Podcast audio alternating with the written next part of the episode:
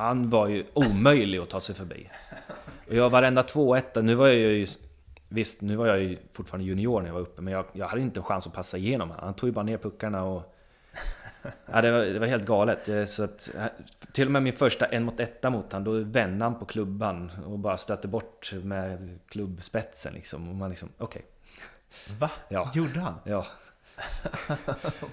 What? Ja. Shit. Ja, så han gjorde det lite som på skämt så här. Sen sa han sånt bara, ja, jag vet inte vad han kommer knappt ihåg vad han sa, men han sa någonting bara, ja men du klarar det nästa gång, jag lovar. Nej men någon, eh, snart är eh, råttet mogat alltså.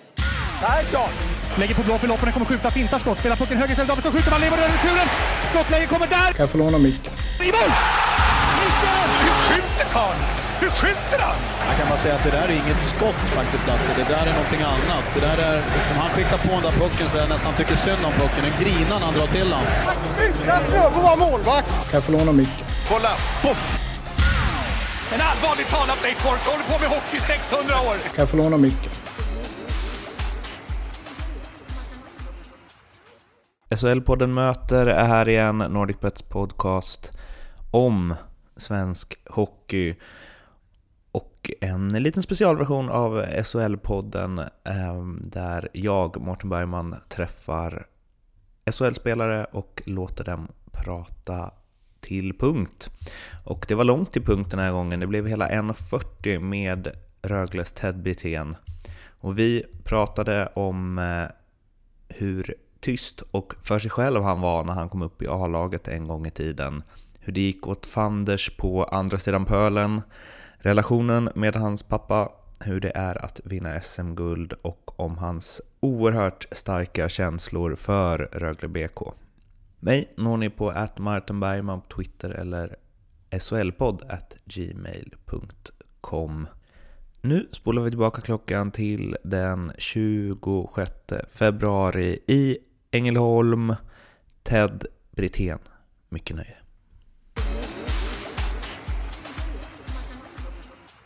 Du plockade upp mig nyss i Helsingborg där vi är och eh, du hade precis varit på sjukhuset för att ni ska ha tvillingar. Stämmer. Fint. Ja, det är spännande. Det, det har varit mycket förberedelser och sånt inför det, men det känns som att vi har fått, fått allting nu från eh, babysitters till eh, ja, bilbarnstolar och dubbelvagn och alltihopa. Så det mesta är redo för att de ska komma. Det känns förberett här måste jag säga. Ja, men det kommer bli en riktig... Jag har ju en liten, liten lägenhet nu, men det kommer bli en riktig barnlägenhet verkligen. Mm. Så det, det är speciellt. Vad tror du på förhand att det kommer betyda för ditt hockeyspelande? Ja, den här sommaren kommer säkert bli lite speciell såklart. Men eh, samtidigt så eh, trivs jag väldigt bra med att ha saker att göra off-ice. Så jag inte tänker hockey hela tiden. Så Ehm, det tror jag bara är en positiv faktor för mig. Och ehm, har ha någonting att verkligen se fram emot att komma hem till hela tiden. Man hör ju många spelare som får barn som säger liksom att innan så låg jag upp och grubblade hela nätterna på att jag hade missat det där skottet eller vad det nu är.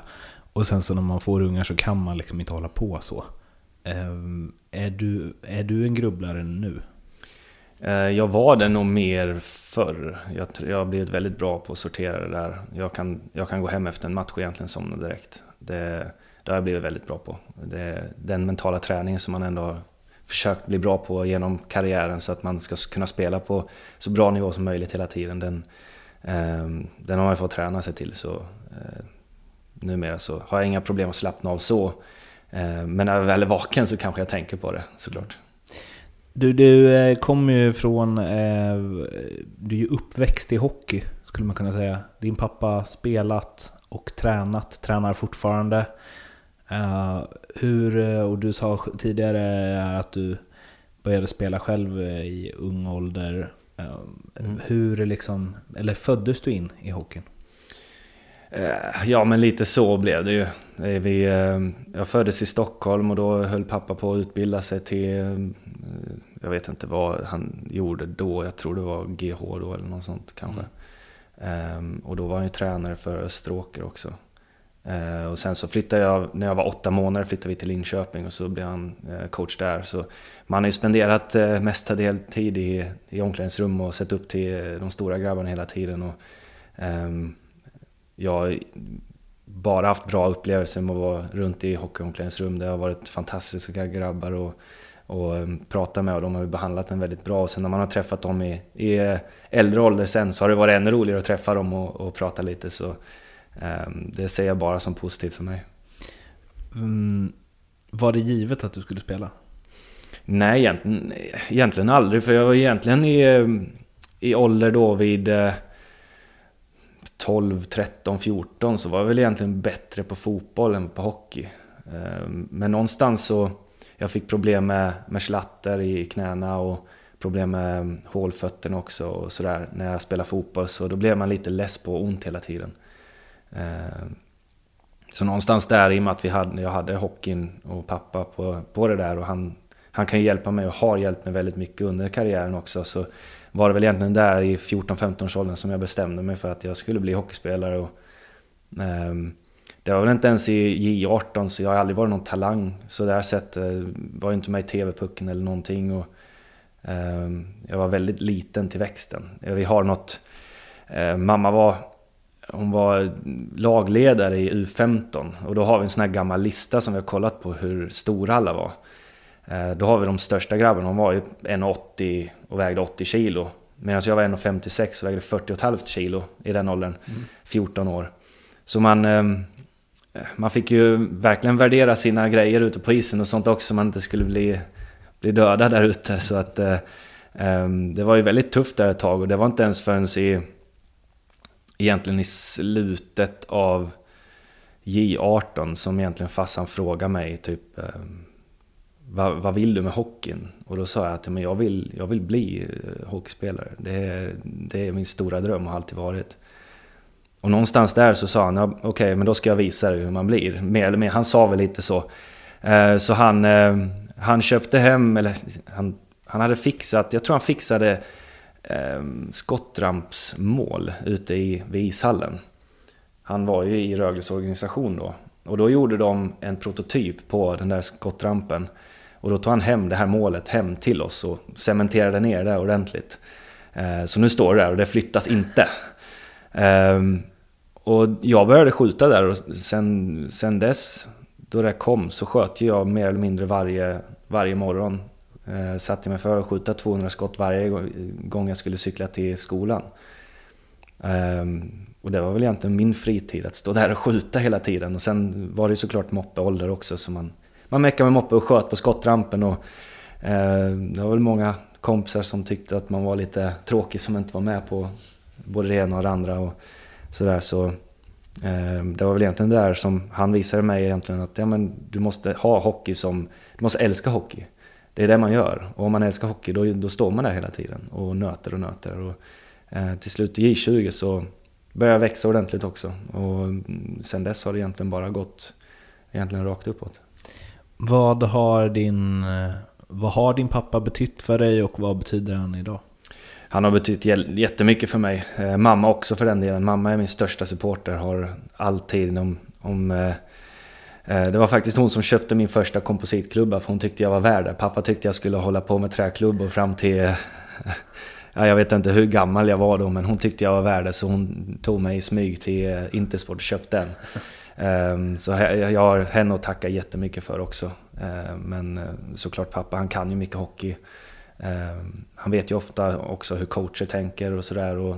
Så det har varit lättare för mig kanske att förhålla mig till hur coacher tänker och, eh, och sådär också. Så eh, man kan ha mer förståelse om en coach säger någonting till en eller om han gör vissa moves som man inte riktigt uppskattar kanske så har man kunnat ta det på ett bra sätt. Men han har aldrig coachat dig eller?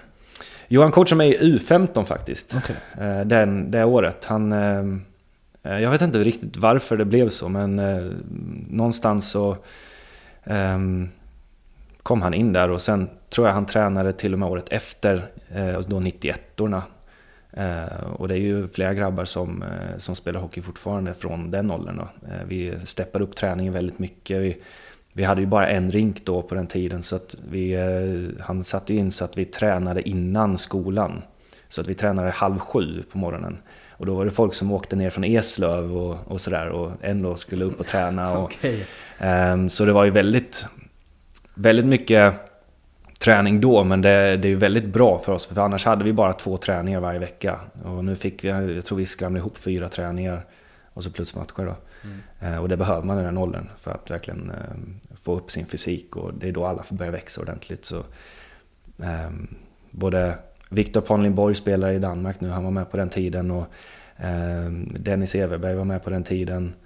Eh, Daniel Sylvander som spelar i Rögle, Alexander Lindqvist Hansen som spelar i Troja. Eh, eh, ehm, jag vet inte om jag missar någon där nu men eh, det är i alla fall en hel del killar som man fortfarande står väldigt nära sen den åldern och det har gått väldigt bra för, för dem. Men bollar du mycket idag liksom, pappa? Ja, det är klart jag gör. Han, ehm, han är ju politiker mest i Ängelholm, så han spenderar ju ändå mycket tid hemma. Han har varit iväg lite i Ukraina och ehm, just nu är han nere i, ehm, i Budapest och håller på med lite grejer. Så han åker iväg lite då och då, men det är klart man bollar när man behöver. Och, ehm, någonstans har man väl fått så pass mycket rutin så man behöver inte prata ändå för mycket hockey med han numera. Men det var ju mycket mer när man var mellan 18 och 24-25 som det verkligen var. Ehm, det var en jakt på utveckling hela tiden för mig. Och eh, det blev väl lite att han fick väl lugna ner mig lite och, och sådär också och kunna tänka rätt i, i situationer och sådär. Och eh, Det har jag lärt mig väldigt mycket för och det tror jag gör så att jag utvecklas ännu mer nu senaste åren här när jag kan ha rätt balans på det hela. Jag eh, har gjort en eh, idoga research, eh, research inför den här intervjun. Den består till stora delar av att jag har pratat med min poddkollega André Brändheden, som du ju känner väl. Eh, Och han skickade med lite frågor. Eh, Och det här, ja, de här passar ganska bra nu eftersom vi är inne på ja, men dina ungdomsår och så. Eh, när du skulle ta eh, steget upp i Rögle så eh, han skrev så här. Eh, Ted kom upp som junior och var lite off. Eh, han var inte riktigt som alla andra utan en lite ensamvarg. Mm, det stämmer. Hur, det, hur tog det sig liksom uttryck? Eh, men det är som lite grann som när jag var... Egentligen som jag, när jag var när jag var 14-15 där. Jag hade bestämt mig för en sak och ehm, det var väl också så när jag kom upp som junior så...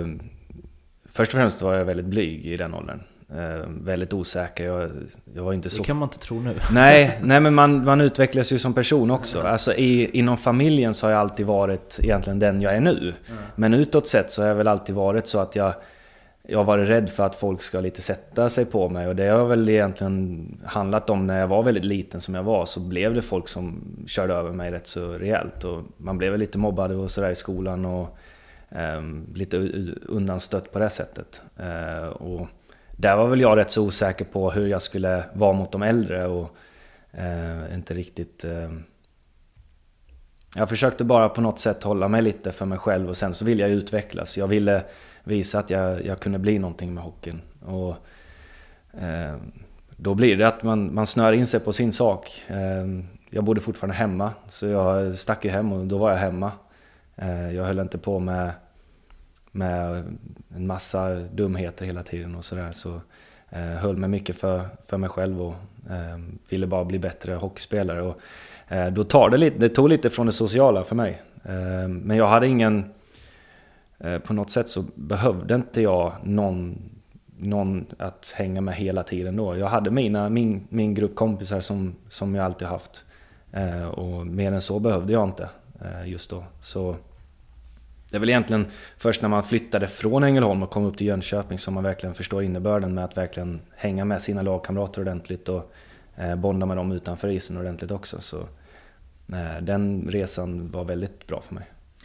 För, alltså fördomsfullt nu, men jag tänker ju så här direkt bara hockeyspelare, alltså ung hockeyspelare i hockeystaden Ängelholm, eh, uppflyttad i A-laget, eh, coola killen som liksom eh, ja, men få vara med liksom på högsta nivå där och bla bla.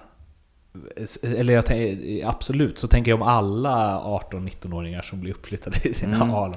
Nej, men jag, jag vet inte, men jag har i alla fall inte haft uppfattningen av att jag har varit eh, alltså coola killen, sådär alls. Jag, jag har varit bestämd på min sak och varit väldigt mycket tänk kanske på mig själv och min egna utveckling. Eh, så att ehm, det är väl egentligen det som jag har tänkt på. Jag, jag drack ju inte en starköl innan jag fyllde 18, jag drack min första starköl när jag var 18 år. Eh, det var ju mycket fassan som sa också till mig att ska du bli hockeyspelare ska du inte dricka alkohol. Eh, så jag gjorde ju inte det alls förrän eh, jag hade fyllt 18. Ehm, och ja, nej så jag... Någonstans så handlar väl det också om att jag är lite försiktig och vill inte få ehm, bjuda på allt i mitt liv till, till alla direkt utan eh, öppnar kanske inte upp mig översnabbt. Eller gjorde, nu kan jag göra det utan problem. Men eh, då var det väldigt mycket fokus på en sak och det var att bli bra på hockey. Men då när du kom upp och du sa att du hade den approachen vid sidan av, hur var du på isen då? Mot alla A-lagsspelare? Ehm, du menar alltså på träning och... Nej, men så här, attitydsmässigt, om du kände att du ville liksom ja, men, hålla låg profil i omklädningsrummet och vara lite så här för, för dig själv där och så. Alltså, kunde du ta för dig när det väl var träning och match och du stod på Ja, ett par alltså, grillor liksom? Någonstans så var det väl drivet på isen som, som någonstans gjorde så att man, man ville någonstans. Och så, så sätt har jag inte haft några problem. Och, ehm, sen har jag kanske inte haft den pondusen om någon skulle försöka ta min plats så kanske jag inte har varit överdrivet mycket men här ska inte du komma och ta min plats. Utan jag har låtit han lite och sen har jag liksom tänkt bara med att ja, men jag ska träna så att jag är bättre än han så jag inte behöver hålla på med en massa stångandes och sådana grejer. Ehm, så det är väl egentligen så som jag tänkte om jag tänker tillbaka på den tiden. Men... ehm, ja. För jag tänker att man måste så slå sig fram och så bevisa sig och hävda sig och ta mer och mer plats och liksom... Nej men man ska ju rätta sig, alltså när man kommer upp så där egentligen så vill man ju ändå rätta sig till lite till de äldre. Jag har väldigt respekt för de äldre såklart när det väl handlar om off-ice. Ehm, Så länge jag tycker att de, de beter sig bra mot mig också så, så har jag inga problem. Men är det någon som, i den åldern var det någon som var dum mot mig, då kunde jag ju stänga ner helt och inte alls prata med människan. Det hade jag inga problem med överhuvudtaget. Ehm, Så jag var väl egentligen öppen mot de som var öppna mot mig på, på något sätt. Så Hände det att folk var dumma? Alltså, Nej, inte dumma, men det var ju vissa som grinade till när man... eh, När man eh, kanske har tävlat lite för mycket så har det varit någon, som, någon målvakt som har skjutit puckar efter en och sådana grejer. Så. eh, Men det Vem- tror jag är rätt så, vem rätt, så, rätt så normalt ändå. Vilken målvakt då? Nej, det behöver vi inte nämna några namn. Okej. Martin Gerber? Ja, han, jo, han kunde ju ledsna ur ordentligt, men han var ju rätt så gammal då också. Så. eh, Han ledsnade väl ut några gånger också. Så. Hur är du mot eh, unga spelare som kommer upp idag om du ser att de så här, eh, drar sig undan lite eller så, håller väldigt låg profil? Nej men jag, jag förstår om man, om man inte vill ha så hög, alltså, så hög profil. Men jag försöker mer bara vara mig själv och, och prata med dem. Och eh, är det några problem så... Eh, jag hjälper gärna till och, och får dem på, på rätt köl och alla sådana bitar. Så, eh, så länge man ser egentligen att de har en bra inställning så hjälper man jättegärna till. Eh, sen så finns det ju vissa som man haft som haft väldigt knackig inställning och då är man kanske inte riktigt lika öppen mot det där. Och, då, eh, numera så försöker jag väl egentligen eh, hjälpa dem på rätt köl så att de ska bli omtyckta också. För det är många, många unga som kanske vill hävda sig så som du säger. Och så har de lite fel approach och det verkar lite divigt. Och då kan man ju kanske hjälpa dem på rätt köl genom att vara eh, lite pedagogisk mot dem och eh, få dem att tänka rätt. Andrea fortsatte så här. Han var ganska klen och såg ut lite som Bert. Drog till USA där det gick åt fanders. Men jag skulle tro att han lärde sig väldigt mycket där. Ja absolut, och det handlar ju om det här att jag inte... Efter mitt första I20-år så jag tyckte ju själv att jag hade utvecklats väldigt bra. Eh, och det hade jag, spelmässigt hade jag ju det. Men fysiskt sett så hade jag ju inte alls det egentligen. Utan jag hade precis börjat växa ordentligt och... Ehm, hade inte lagt på mig några muskler och när jag kommer över till Kanada så fick jag ju egentligen en chock för då fick jag ju bara möta egentligen Jag förstår inte hur stora de kunde vara i den åldern Men alltså det var ju riktigt fullvuxna män som jag började möta där och någonstans så Det en del kosttillskott där va? Ja, de har nog det. Det är någonting i födan eller någonting som gör så att de blir giganter. Men eh, det var en väldigt lärorik tre månader för mig och eh, hade en coach som eh, var väldigt old school, kanadensisk coach. Så, eh, där lärde man sig också mycket av hur vissa kan vara eh, som coacher. Eh, och det har väl hjälpt mig rätt mycket på senare år också med hur man ska, med hur man ska ta, ta det och eh, hur man ska gå igenom det mentalt och, och sådana bitar. Så Men hur hamnade du där? Jag hamnade väl där egentligen, jag tror det var egentligen en, en sån här att jag, jag behövde komma ifrån Ängelholm på något sätt. Jag, jag kände att jag behövde få ett äventyr i mig. Lite så som många tänker kanske när de slutar skolan, de vill åka och backpacka någonstans eller de vill eh, eh, flytta utomlands bara. Så kände jag väl att jag måste testa det här. Eh, för att se hur, hur, eh, hur det ska gå med min hockey. Det blev liksom din egen hockey-backpackning. Ja, men lite så. Lite så. Ja. Men eh, då fick jag ju också känna av den här hårda vägen att nej men, jag är inte tillräckligt bra. Eh, och där var ju Björn Hellkvist var ju väldigt bra för mig när jag kom tillbaks till J20 här igen. För att mitt självförtroende var ju nere i botten. Och jag känner, på någonstans där tänker man ju också att men om jag inte kan spela på den nivån, hur ska jag kunna bli hockeyspelare då? Eh, och Ja, Vadå, det gick skitdåligt? Inte skitdåligt, men säg att jag, jag spelade... Om man nu ser till statistiken så spelade jag nio matcher. Men egentligen satt jag på bänken sex av dem. Spelade tre av dem. Eh, och då spelade jag 15 minuter kanske. Eh, gjorde ändå... Ett plus två. Ja, ett plus två gjorde jag nog ändå. Eh, så att poängmässigt gjorde jag ändå poäng i de matcherna jag fick spela. Men min coach ville väl mer eller mindre att jag skulle in och fighta så att om man hade sett mig min, min kropp i den åldern så här, och att möta de här riktiga fightersna där. Det är inte riktigt rätt. Så jag sa till honom att Nej, men om du vill att jag ska fightas då är det inte lönt att jag är kvar. Eh, så då, han ville ju trada bort mig och så blev det till slut att jag bara... Ja men är det inte någon möjlighet att bara skicka hem mig igen? Eh, så sa han, jo men det, det kan vi göra. Eh, Det var inga protester Nej, det, där. nej inte, inte så. Han, han vill ju mig väl också, sa han i alla fall.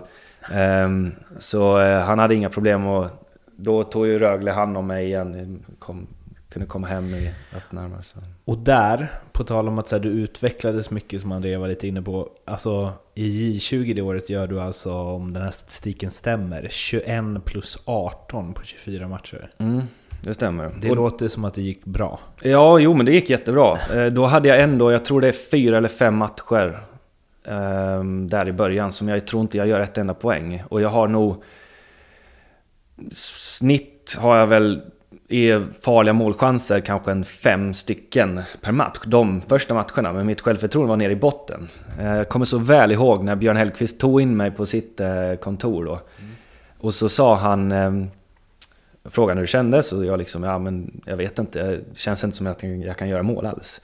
Eh, och han bara, nej men jag ska visa dig en sak här, för det här, det här har du ändå skicklighet till att kunna göra. Så han visar en, en video på eh, Marcus Näslund, hur han gör mål. Och då visar han då hur han kunde göra mål på massa olika sätt, i massa olika positioner. Han kunde ha ryggen mot målet och ändå skjuta liksom en, en handledare.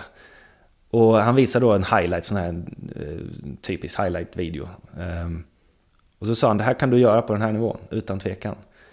Och någonstans där så släppte det för mig. Jag vet inte vad han egentligen sa mer än det. Men någonstans där släppte det och när jag väl började göra mål och poäng så bara rasade in. Och jag fick bra kedjekamrater, vi hade ett jättebra PP. Um, ehm, bra spelare och, och en jättebra atmosfär i omklädningsrummet som gjorde så att man, man mådde bra och trivdes. Mm. Du hade ju gjort, eh, nu, eh, nu jag hoppar lite fram och tillbaka här, men du hade ju gjort debut va? I, eh, ja, elitserien som det hette då. Em, redan din, eh, alltså redan innan du stack till OHL. Mm. Men det, det står det är 2-0-0, alltså hur mycket spelade du? Jag spelade väl bara... Jag tror jag stod, satt på bänken ena matchen och så eh, andra matchen så... Jag kommer så väl ihåg mitt första byte för då ställde jag upp... ehm, då har jag så... Jag tror jag var högerforward kan jag ha varit och så var Micke Gat på vänsterforwarden och så var det någon som har sänt, jag kommer inte riktigt ihåg. Och sen så kommer, blir det en duell nere i högerhörnet. Då är det Andreas Pil, Gat och någon till bjässe som är där nere. Och jag ska ner dit för att hjälpa Gat och jag känner bara att det här är en uppgift. Och det blev ju att jag fick absolut inte tag på pucken eller någonting. Och där kände jag väl också att jag har inte mycket att hämta när jag går ner i en duell sådär. Um, så att, uh, ja det var speciellt. Det var en speciell upplevelse. Uh, och du gjorde ju, uh, spelade ju två matcher i grundserien det året som du kom tillbaka från OL. Uh, för Rögle. Och sen så, du stod bokförd för nio matcher i kvalet. Mm.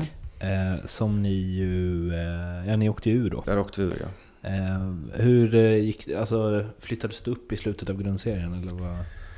Eller hur jag kommer inte riktigt ihåg hur det blev, men det, eh, Jag vet inte om vår J20-säsong var slut då. Eh, och så fick jag då vara med. Och så gick det bättre och bättre. Jag tror jag hade faktiskt en match mot Leksand i, det, i den kvalserien då jag spelade över 20 minuter faktiskt. Mm. Ehm, och det var väl egentligen den matchen som var verkligen en, ett bevis på att jag hade blivit tillräckligt bra för att spela på, på hög nivå. Eh, så efter den kvalserien så den sommaren hade jag beslutat med att nej, men, om det är någonting jag måste ändra nu så är det att jag måste gå upp i vikt. Eh, så Björn Hellkvist hjälpte mig där också. Visa någon video på någon som Nej, det gjorde han inte. Nej, det gjorde han inte. Men han, eh, han pushar ju...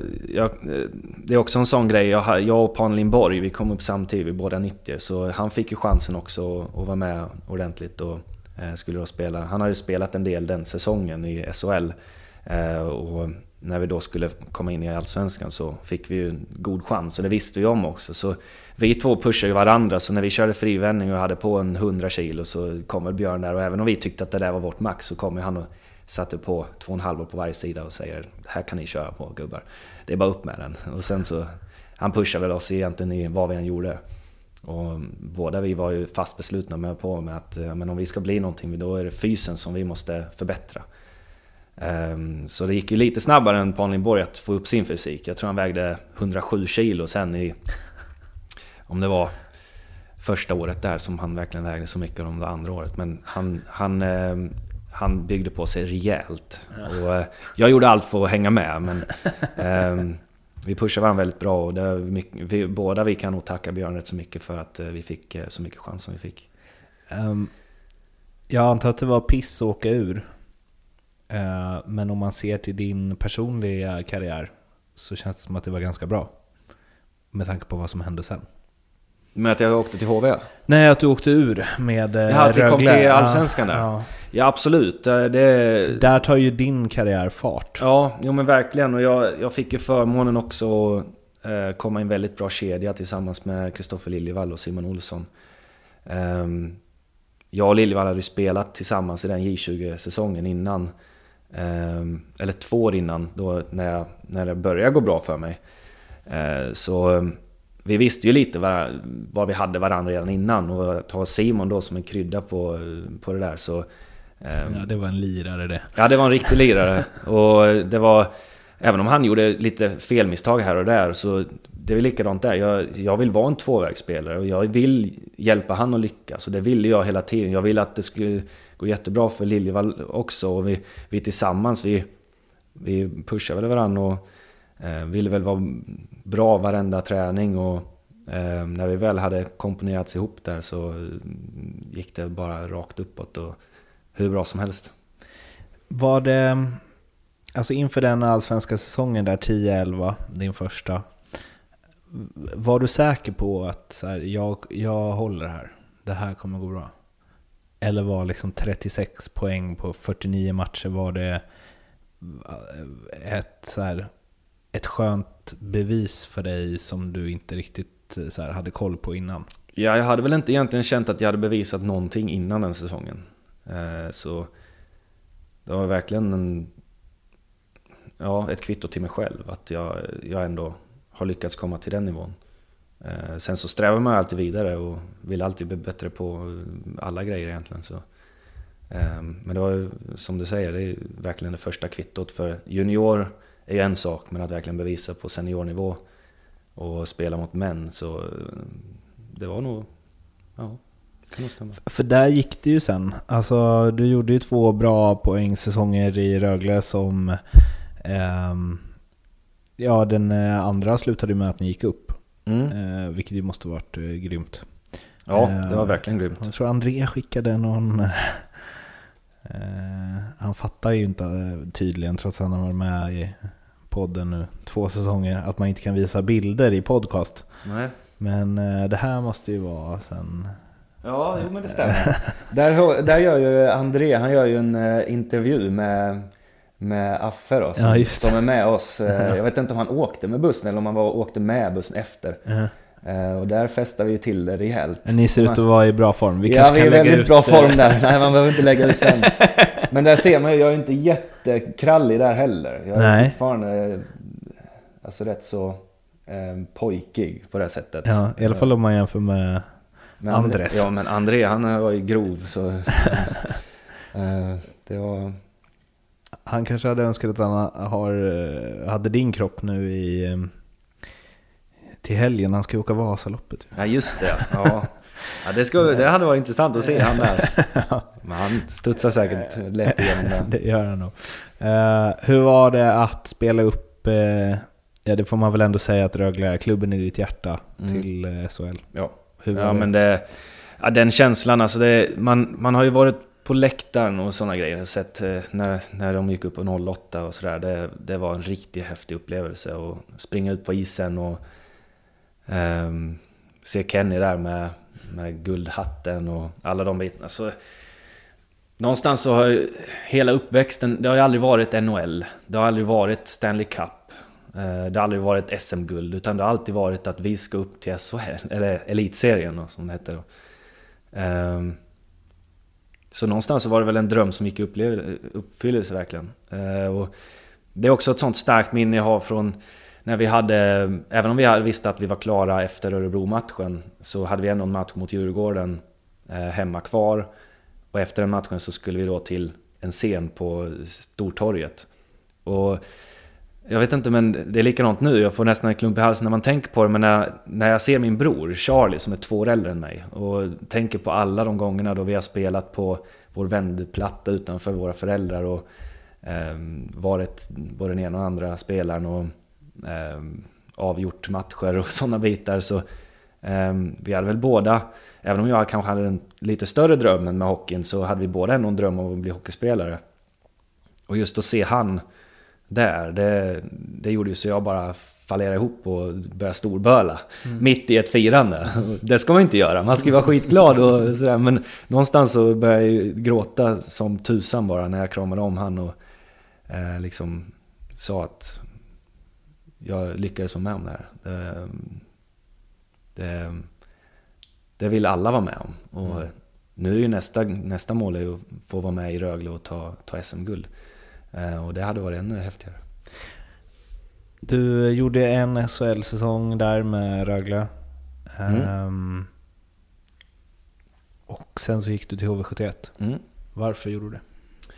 Eh, vi åkte ju ur den säsongen också eh, med Rögle. Okej, och det kan vi stanna vid. Om det var så fantastiskt att gå upp, hur Mm. var det då att åka ur? För att första gången du åkte ur med dem så kände då hade du, du hade inte varit med hela säsongen och så. Men Nej, nu precis. var du ju ändå en nyckelspelare. liksom. Ja, nej det var, eh, det var en av de hemskaste sakerna jag varit med om i hockeyn. Eh, Det var inte alls kul. Eh, Och man är ju så dålig förlorare så att man... Jag vet inte, man var bara inne i ett vakuum kändes det som bara att det, liksom, det här händer ju inte. Eh, Och någonstans där efteråt så fick man väl ta tag i sig själv och liksom, ja men okej jag måste tänka på framtiden. Vad är det bäst för mig? Och fanns vissa erbjudanden, vissa bra, vissa sämre, men eh, eh, när väl HV kom upp på tal så tyckte väl inte jag att det var något snack utan att jag ville spela i HV71. Och det låg bra till i, i Sverige och inte allt, ifrån, allt långt ifrån hemifrån liksom och eh, visste om vad det som fanns för historia i den klubben. Och man ville kunna vara med och, och bidra till ännu mer historia. Och, ja, jag ångrar inte det valet nu. Jag inte. Jag förstår det. Hur togs det emot i Rögle, alltså supporterkretsar och så liksom? Eh, någonstans så, var- med varenda människa som jag pratade med och eh, släkt och familj, de, de sa till mig att ja, men, du ska, klart du inte ska stanna för du är för bra för, för allsvensk nivå. Eh, du måste jaga din, din dröm liksom. Eh, så att det var ingen, och faktiskt har inte Rögle-fans vad jag vet några problem med HV71 överhuvudtaget. Det finns vissa lag som... som Det hade varit Rögle kämpigt om du hade gått till Malmö eller? Jo, absolut, det hade varit det värsta och det skulle jag aldrig göra heller. Så, ehm, ehm, men det finns all, alltid andra lag också som det är rätt många fans som inte gillar. Men HV70 var inte en sån och jag hade inte märkt under min uppväxt heller att vi hade haft någon, någon slags agg mot HV71 på något sätt. Spelar det roll? När du valde Lite, lag? lite gör det, i alla fall i den åldern gjorde det för mig. För jag hade ju alltid varit i Ängelholm, jag har alltid, alltid varit i Rögle och... ehm, det, på något sätt så kändes det väl lättare att åka dit. För att man visste om att nej men, ingen hemifrån liksom tycker att det är något fel. Utan de ser bara att det är, det är positivt för, för mig och min karriär. Och, ehm, hoppades, det blev väldigt många, jag tror det ändå blev rätt många HV-fans som, eh, som skapades nere i Ängelholm ändå när, när man lyckades gå dit. Och, ehm, så det är rätt kul.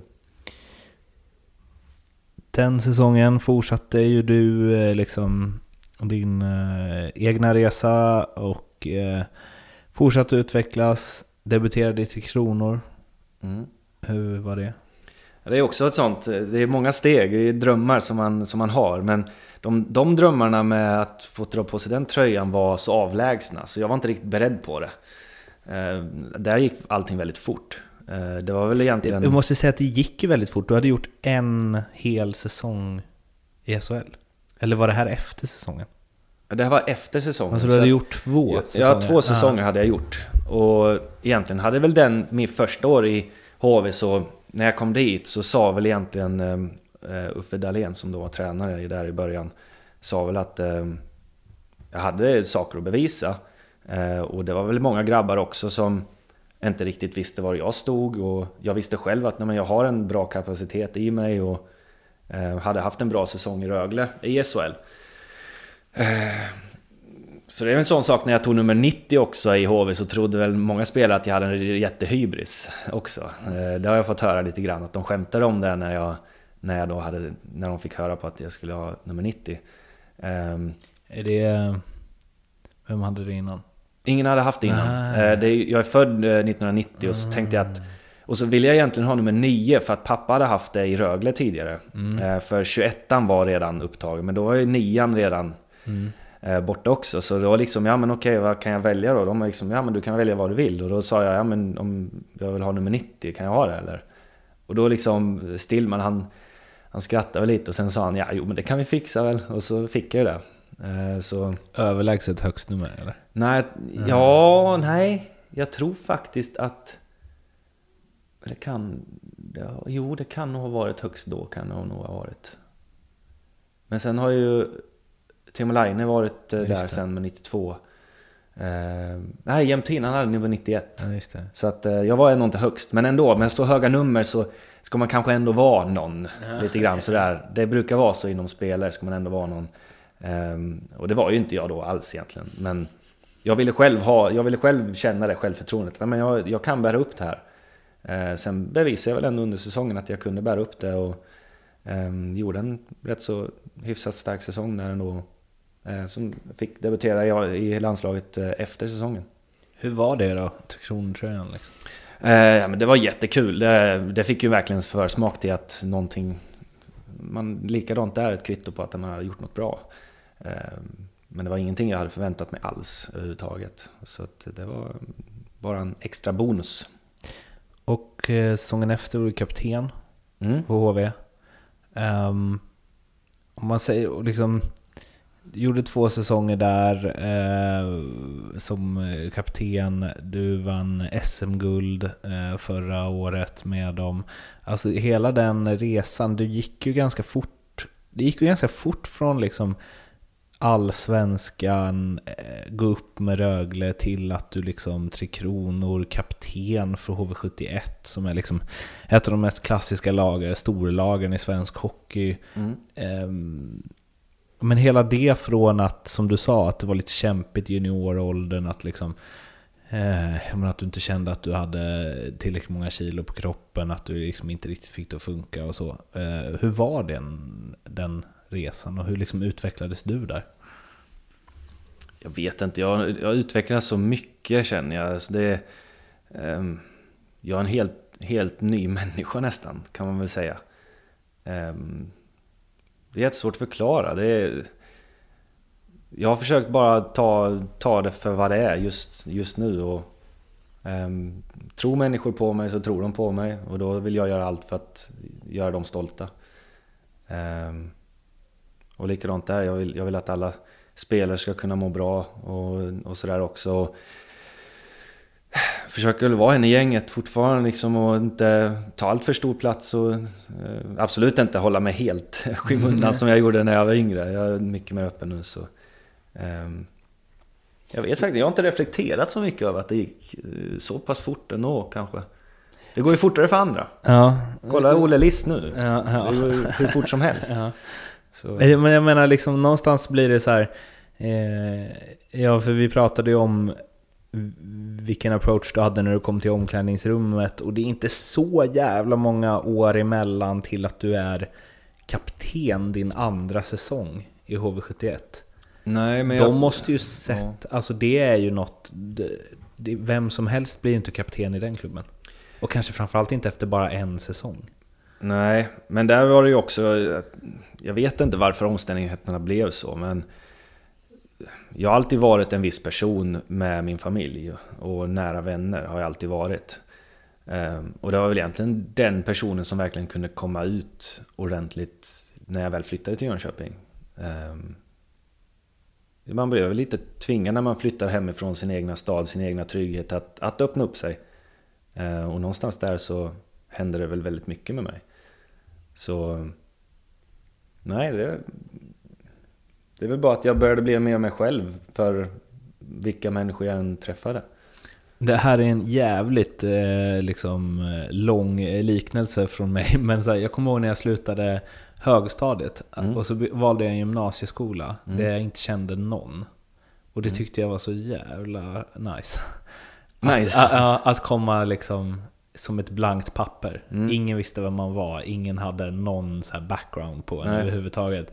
Nu är det så här, det är klart att spelare i HV71 visste vem du var, men att du ändå så lämnar den totala tryggheten med Ängelholm och Rögle där du så här, jo men du är ändå liksom eh, jag menar, Jims son liksom mm. och alla kände till, alltså efternamnet klingar i den här bekant i den här stan och så. Att jag tänkte att där att du också fick liksom så här börja ja. på något nytt. Eller? Ja men det är mycket möjligt nu när du säger det. Att det blir att man slappnar av kanske och bara, bara är sig själv. Det, mm. det, är inte, det är inget att hålla inne på utan det är bara fram med hela dig och, hoppas på att alla gillar dig bara. Mm. Ehm, det är väl lite det man är rädd för också, att folk ska tycka, få fördomar om en och um, tycka om vissa saker. Men det har man ju märkt nu att nej, men om jag bara är mig själv så, så borde folk ändå gilla en. Um, I alla fall större delen. Så det är väl det man hoppas på bara. Uh, hur var det att få se det? Väldigt speciellt, väldigt rätt så överraskande också.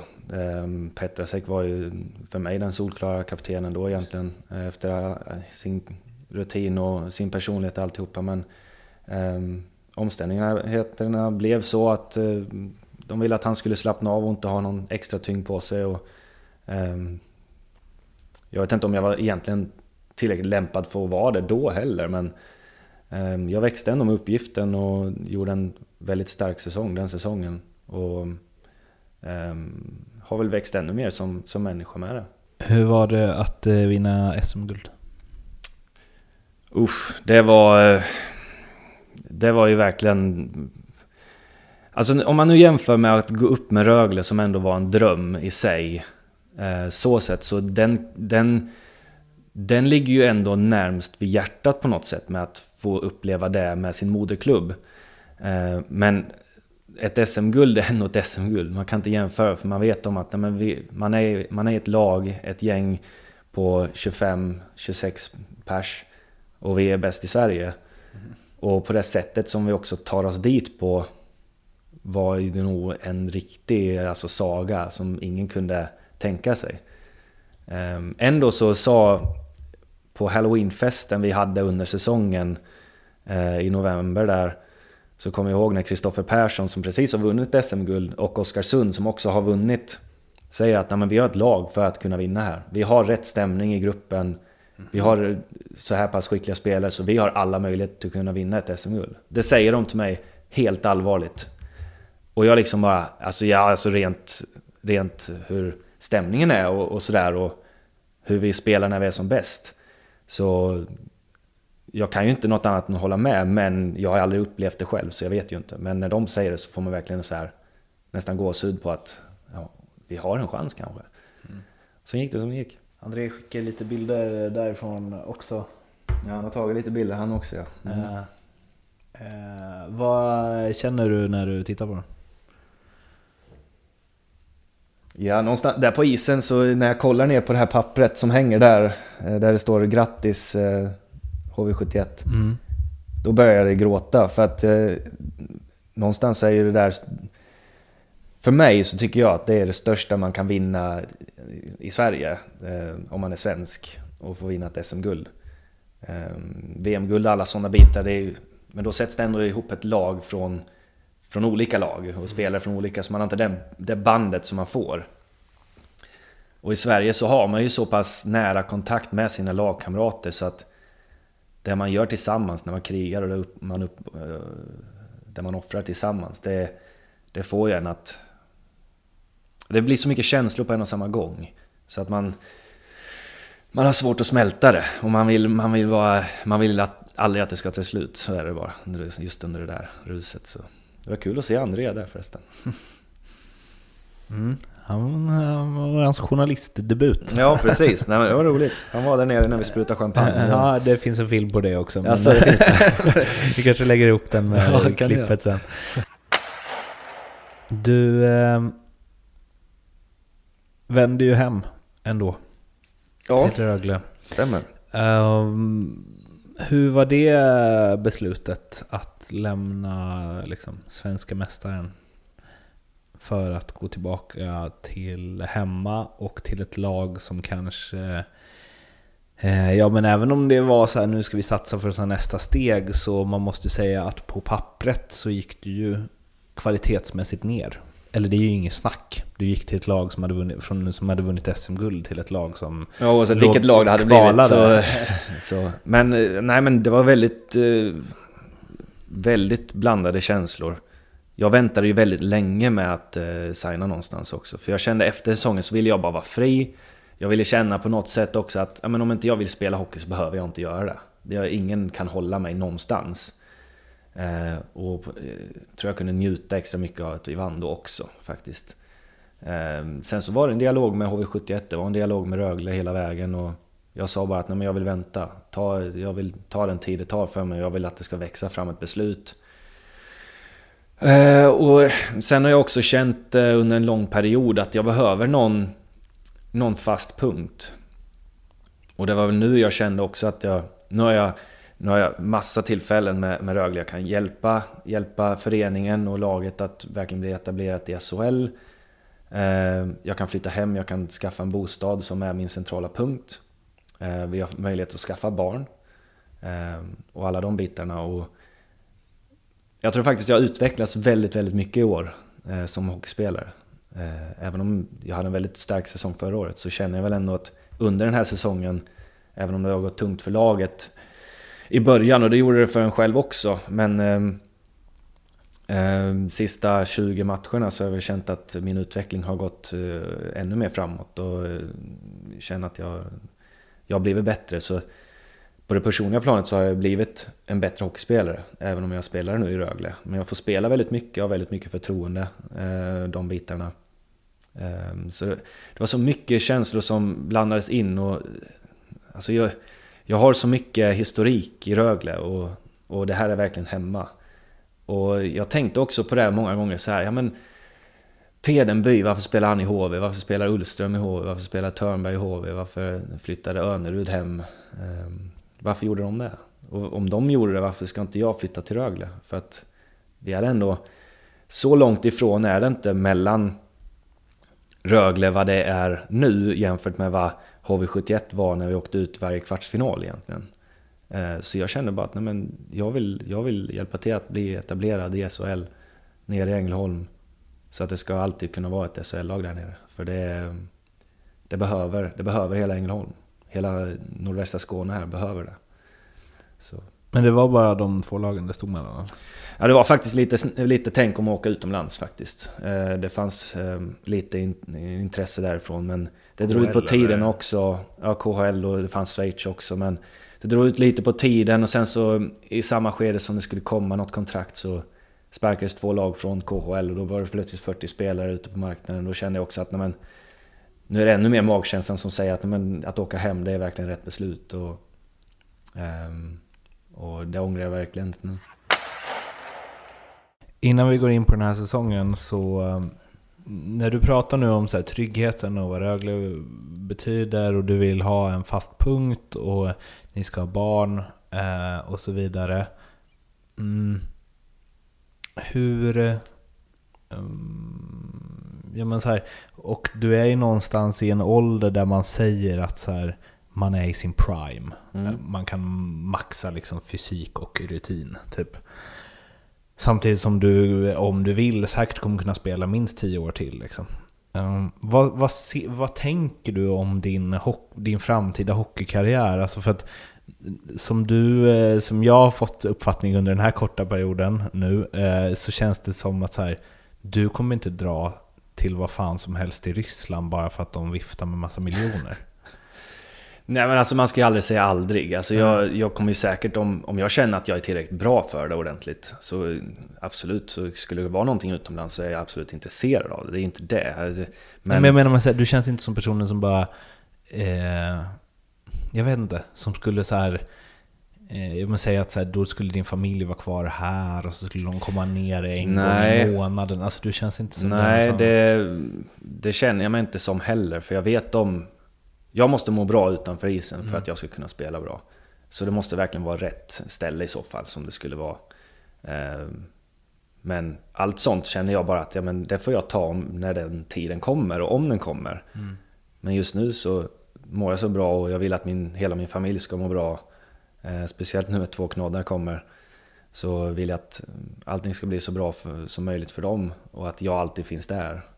Så ehm, jag har inte haft så mycket tanke på det där utan jag har bara tänkt att jag, jag vill spela hockey för jag älskar att spela hockey och jag vill fortsätta utvecklas och det kommer jag göra, kommer jag göra i Rögle för jag, jag får alla möjligheter till att göra det.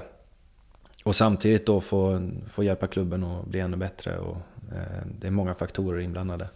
Eh, så. du, sa, du sa ju liksom att glädjen när ni gick upp, att det var så det du hade drömt om. Och, så här, mm. men, och att det aldrig varit de här drömmarna om Stanley Cup och bla bla. Tänk NHL. Tänker du något på det? Alltså jag, tänk, jag tänkte ju på det här egentligen rätt mycket när jag väl... När jag väl kom upp i SHL så tänker man ju rätt mycket att ja, men om min utveckling går ditåt så mm. är det klart jag vill kunna göra det. Men det är ingenting som jag liksom försöker tänka på nu utan man lär sig någonstans också att man måste leva i nuet, man måste göra det som krävs för dagen hela tiden och gör jag alla de bitarna rätt så kommer jag ju bli bättre. Sen är det bara frågan om om var det bär. Men det är ingenting som man kan påverka och det är ingenting man ska stressa upp sig över. Utan hålla sin fysik så pass, så pass bra hela tiden så man kan prestera så bra som möjligt. Och sen får man ta det som kommer i efterhand. Visst, skulle jag bli så pass bra och få möjligheten och få mycket förtroende om man skulle, hela den biten och kunna åka över till NHL, så det absolut hade varit en jättestor dröm. Men det är ju ingenting som jag, jag tänker på så här dagligen alls, utan jag, jag vill att det ska vara bra här och nu och sen så allting med framtiden, det får komma som det kommer. Ditt klubbhjärta för eh, Rögle. Um, jag kan ju ibland känna att det är en liten bristvara i sport nu för tiden, att man så vill spela i... Eh, eller att man brinner mycket för en klubb. Um, skulle du säga att du är bättre, sämre eller att det är helt opåverkat av att du spelar i Rögle kontra en annan klubb. För jag tänker så här, eh, och det här baserar lite på tidigare intervjuer. Jag kommer ihåg när jag pratade med Fimpen bland annat.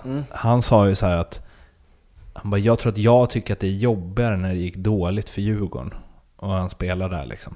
Mm. Än vad andra spelare i laget tyckte.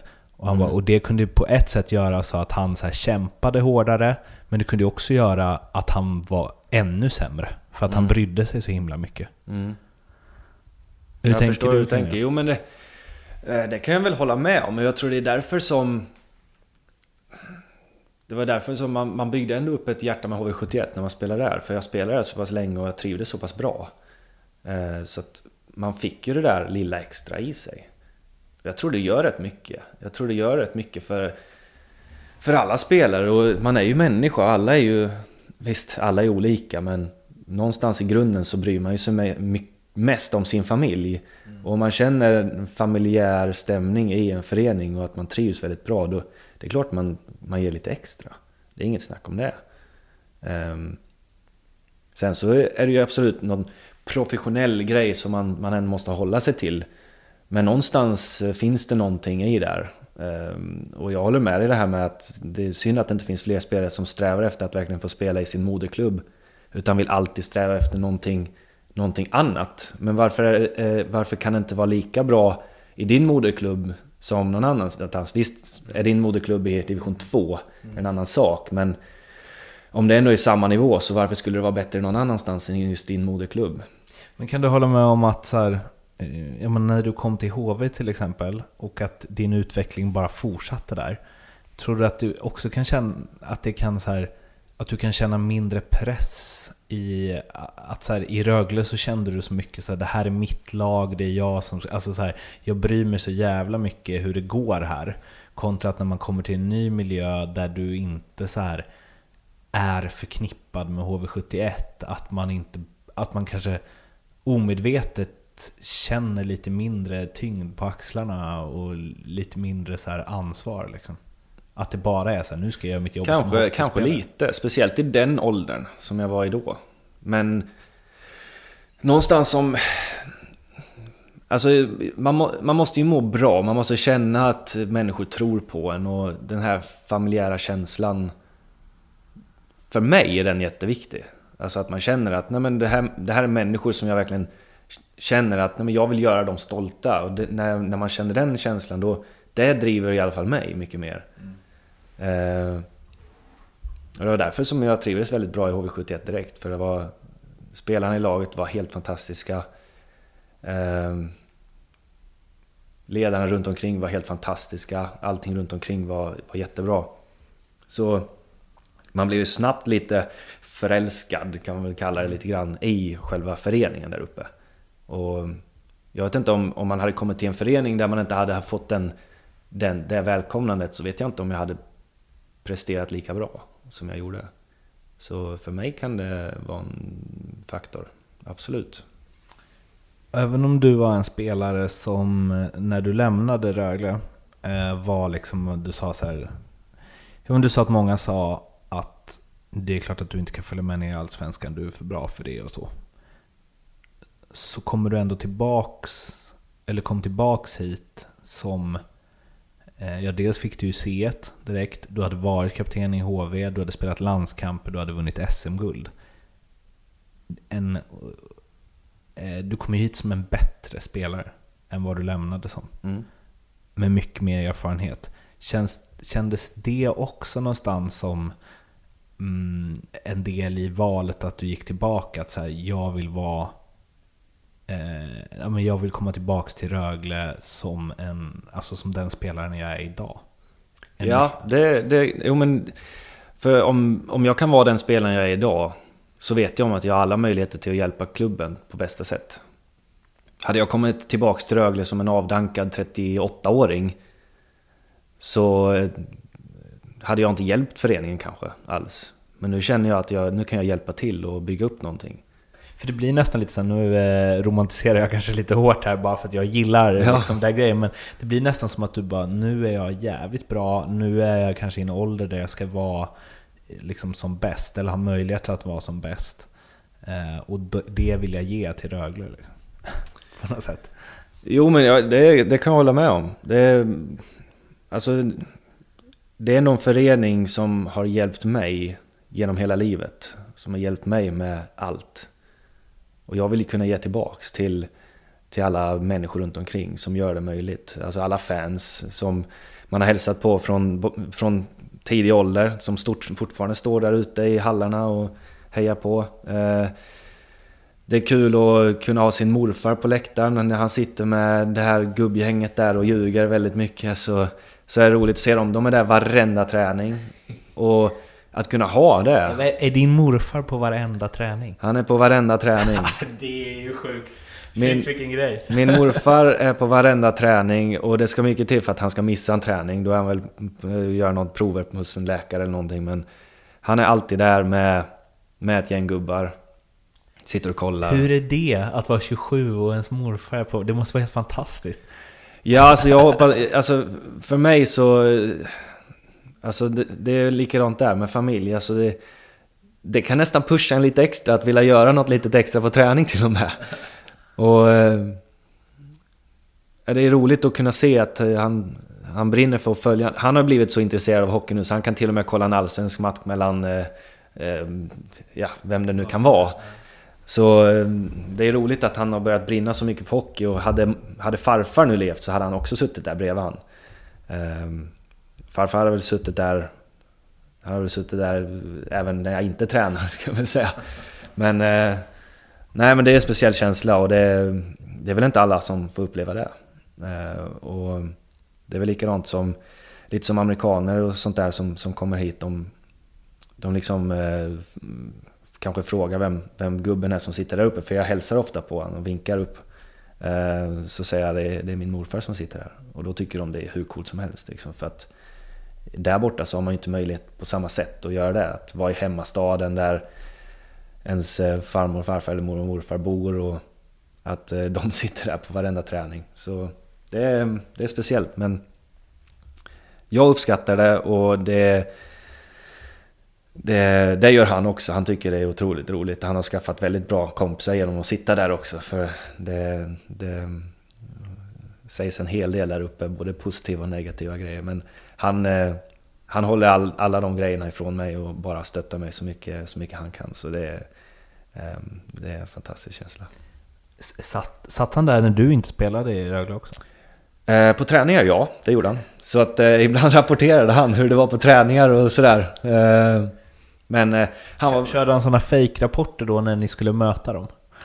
Nej, Så försökte nej, lura er. nej, faktiskt inte. inte vad jag, nej, det har han inte gjort.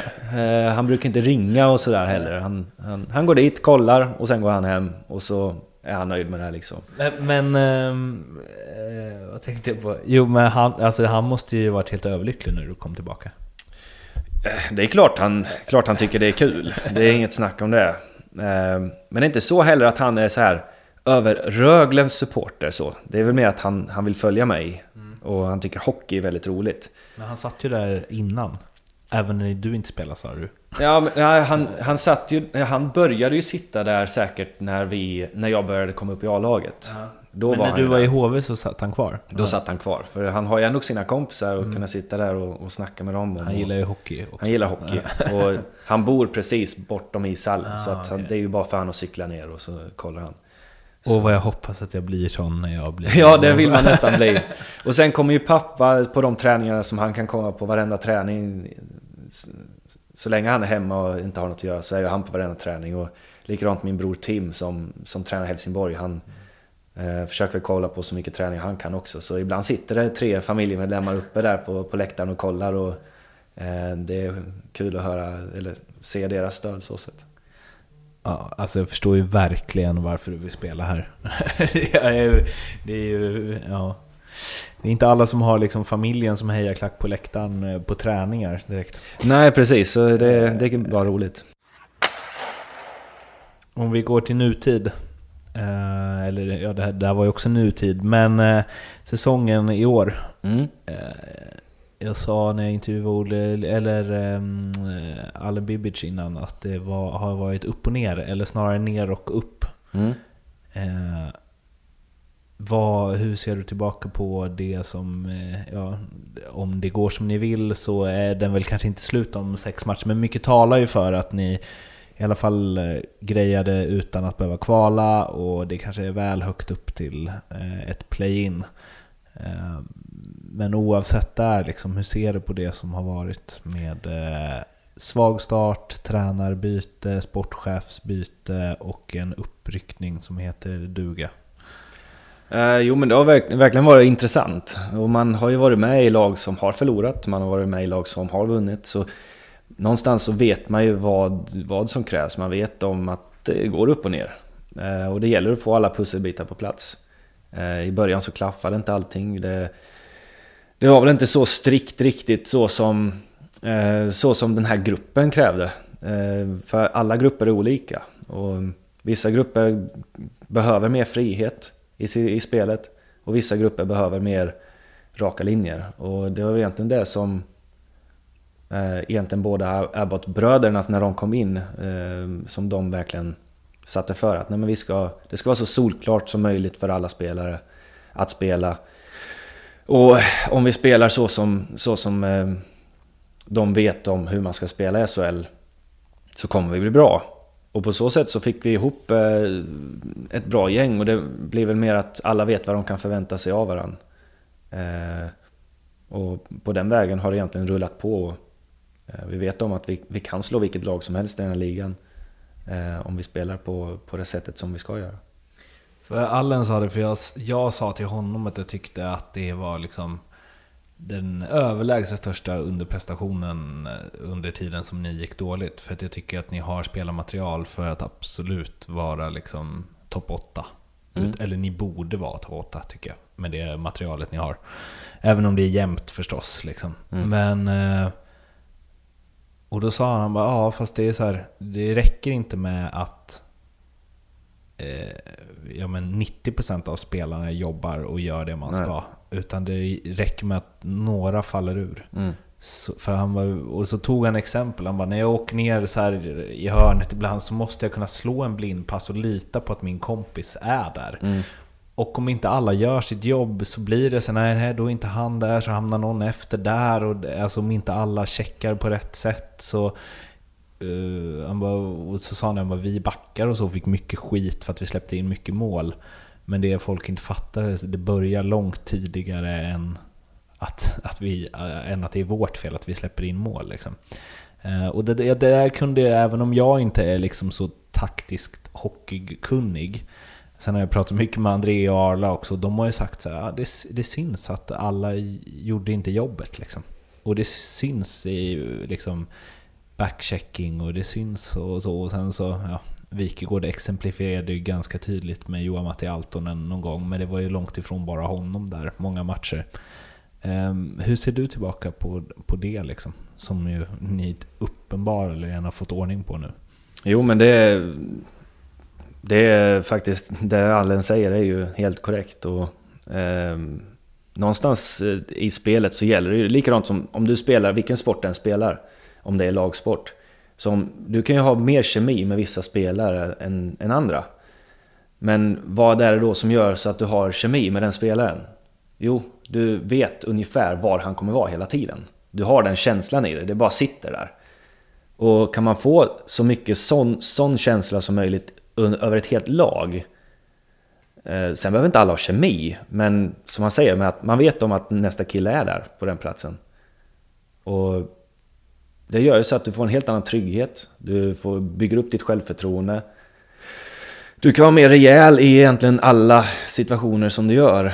Och det har ju egentligen det som vi har blivit generellt sett i laget. Blivit mycket mer, har mycket mer självförtroende i det vi gör och litar på den andra medspelaren mycket, mycket mer. Och, um, på så sätt får vi mycket mer fart i vårt spel och det blir inte lika hackigt. Och, Likadant där, alla backcheckar hela tiden, alla gör sitt jobb. Så att eh, det blir aldrig så att man, man... Numera så ser man ju aldrig någon att man sitter på bänken och man kollar ut och att man liksom... Ja, och där backcheckar inte han eller... Ja, och där jobbar inte han in i den situationen helt fullt ut och... Alltså, för... Det räcker med att det är... Det är faktiskt lite som Allen säger. Det räcker med att det är några spelare som inte gör det där. Så faller, kan ett hel, hel för det blir lite lavinartat, för då, då startar en situation här så får laget man möter ett momentum på grund av att man inte jobbade riktigt där. Det är en sak om du jobbar fullt ut och du lyckas göra bort det, men då ser i alla fall folk att du, du jobbar rakt in i situationen så de kan anpassa sig till det. Men om man inte jobbar då så kan det bli att det faller ur lite och när man då får det här momentumet mot sig, då blir det att man är, man är en halv meter efter hela tiden. Än att kunna vara en halv meter före.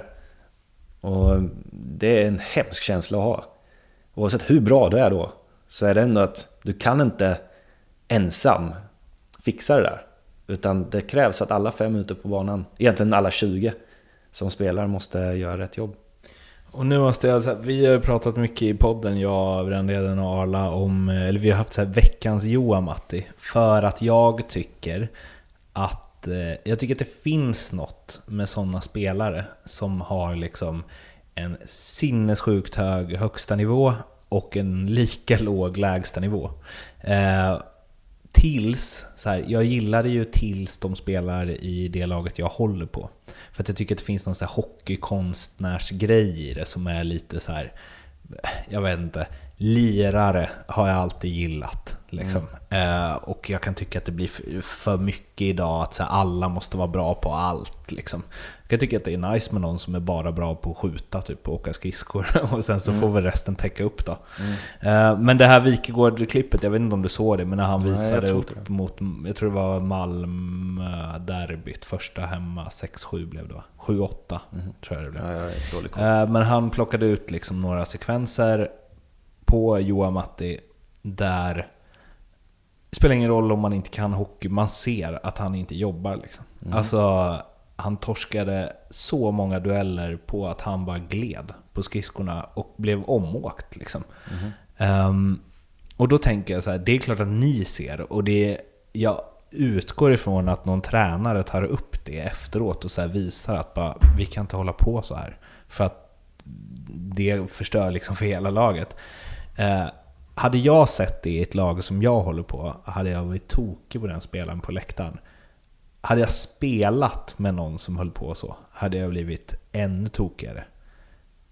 Hur blir det i ett lag när det är ändå så här flera gånger uppenbart är en spelare som inte ger allt? Nej men Johan Matti har ju en väldigt speciell spelstil, det har han. Och han är ju fantastisk i sitt sätt han gör det på.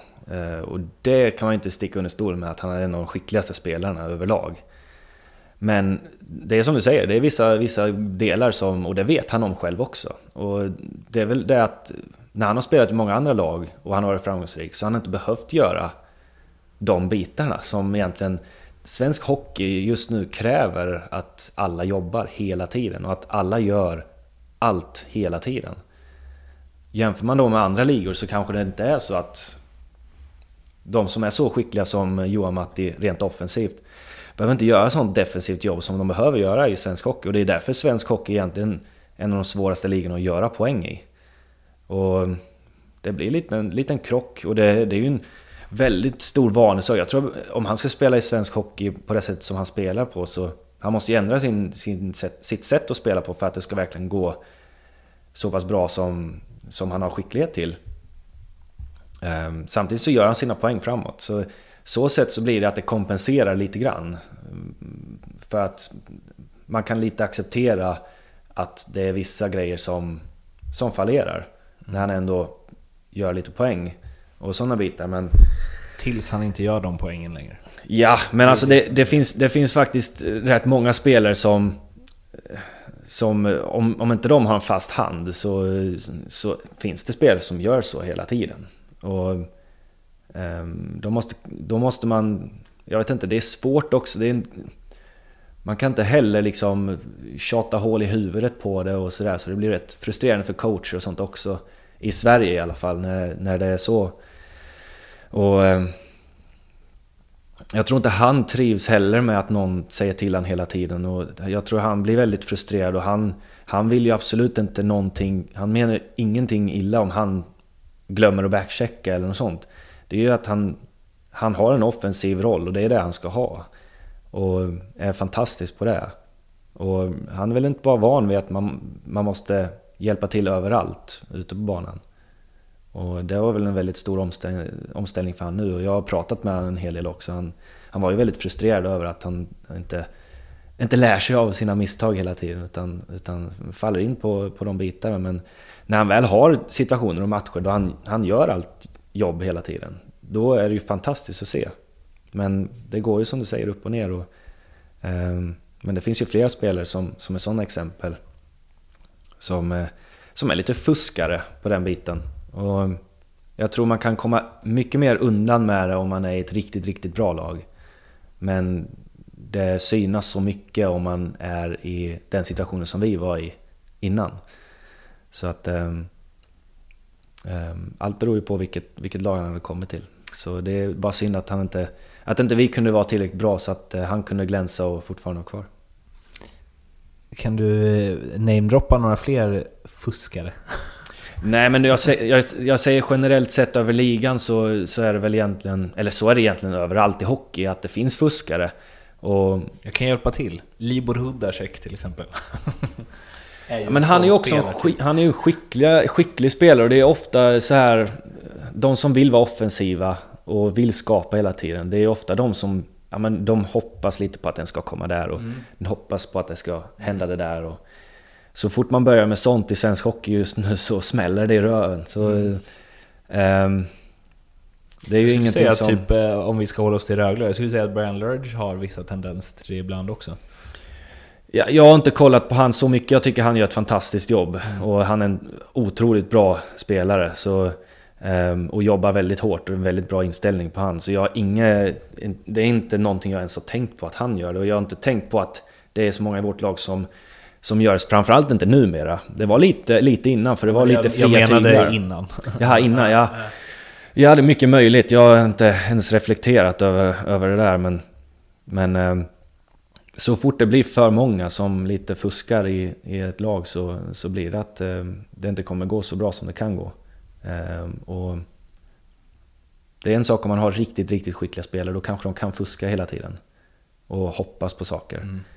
För att det finns alltid någon annan skicklig spelare som kan täcka upp. Men nu, eh, numera så måste man göra allting till punkt och pricka och vara bra på, på det mesta egentligen. det är så intressant att du tar upp det där. För att så här, jag var i USA i tre veckor nyligen och såg tre NHL-matcher. Och just att du så refererar till svensk hockey. För det är ju så. För där, om vi nu ska kalla det att fuska, så fuskas det bara helvete. Mm. Det finns ju en del ryska forwards som inte direkt eh, åker allt vad de kan hemåt. Mm. För att det är inte deras jobb. Ja men lite så är det ju. Och jag menar, det, jag tror det är en sak om det hade varit så... Säg att alla lag i hela ligan, likadant i NHL, om alla lag hade gjort allting till punkt och pricka hela tiden. Mm. Och det finns tre spelare som inte gör det. Då syns det väldigt, väldigt väl. Mm. Men om det är en liga där det fuskas överallt, eller hoppas på saker överallt, då är det mer okej. Okay. Mm. Och då är kanske spelare vana vid att det kommer upp situationer som de som kommer utefter det. Men i Sverige så är man så van vid att alla gör det här jobbet. Så om någon fuskar eller nu, hoppas på någonting och det inte riktigt går vägen. Då blir de andra spelarna nästan ställda över att jaha, men vad gör vi nu? När den här situationen... Du ska ju vara med här! Ja, du ska ju, du ska ju ta den killen som kommer där. Var tog du vägen? Då är du där borta. Ja, så det blir lite lättare att peka ut syndabockarna. Och det är lite synd, för det, det, faktiskt de som är mest talangfulla och skickliga spelare försvinner ju lite från svensk hockey på det sättet. Det blir mer spelare som är fysiskt kapabla och snabba på skridskorna och egentligen, man ska inte kalla det brunkare, men som är väldigt rakt, rakt fram och är väldigt bra på att anpassa sig till det taktiska. Det är ju de som får spela i, i Sverige och göra det bra. Du, du, sa innan att management by fear kanske inte är ditt favoritledarskap, eh, eller så där du presterar bäst. Om det är en ytlighet och liksom det andra är helt fria tyglar, skulle jag ju säga att Abbots ligger betydligt närmare management by fear än helt fria tyglar. Eller? Um, nej, alltså jag, jag vet inte om man ska kalla det management by fear, för han är egentligen väldigt... Han håller egentligen bara på med det taktiska. Och är det taktiska, då ska du göra jobbet. Annars så får du inte spela. Så är det egentligen. Och det är bara taktiska grejer. Gör du taktiska grejer rätt, då kommer du få spela. Och det är egentligen svart på vitt. Det är, det är rätt så enkelt att kunna ha ett facit bara på att... Och det är inte... Visst, han har varit rätt så, rätt så påvisa spelare som, som eh, inte har gjort sitt jobb, men då är det egentligen inte att de har gjort något fel taktiskt, då är det egentligen mer en attitydsfråga, att de inte har jobbat tillräckligt hårt. Och att någon inte jobbar tillräckligt hårt, det tycker jag man ska få skit för, om man inte jobbar. Så det har jag inga problem med, att man, att man liksom skäller på någon för att de inte arbetar, för det ska man göra. Ehm, så att så sätt är det väl inte... Men han, är ju, men han vill ju ha det mer att ja, men det här ska vi göra och det är någonting som vårt lag behöver. Ehm, men nu är jag kanske i en annan situation än vad andra men jag är ju inte på något sätt rädd eller någonting sånt. Jag upplever inte att någon annan spelare är särskilt rädd för någonting heller. För Allen berättade någon av första ispassen att han hade så här nu ska ni åka mellan blå linjerna och ni ska slå direktpass och bla bla bla. Och sen så efteråt hade han så visat upp bara du åkte inte hela vägen till blå Mm. linjen. Mm. Och när jag säger att ni ska göra det så ska ni göra det. Mm. Och här tar du emot passningen innan du slår den. Och jag sa att det skulle vara direktpass. Mm. Så ska du spela så gör du som jag säger. det tycker jag är...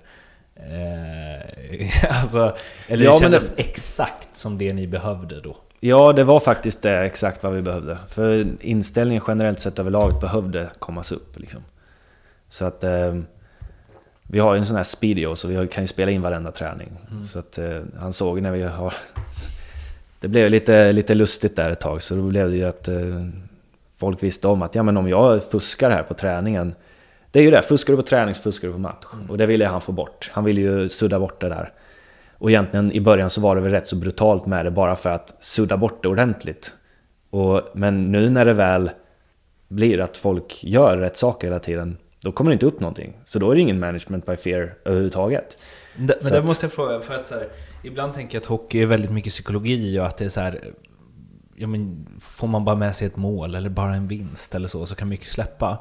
Men i er förvandling, hur mycket är det, eh, alltså jag tänker så här, hönan eller ägget där, att så här, att när man börjar vinna så börjar man också jobba mer på träning. Då blir det lättare att ta de här extra skären. Då blir det, allt känns lättare med hockey. Och hur mycket är det att ni började sluta fuska på träning och därför slutade fuska på match och därför vann?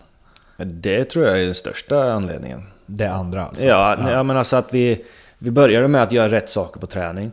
Och ju mer rätt man gör där, desto mer rätt gör man på match. Och sen ska man absolut gå igenom matcherna som, som man säger att man gör rätt på matcherna också. Och det tog tid att vi skulle liksom... Men när vi väl hade knäckt koden och alla egentligen...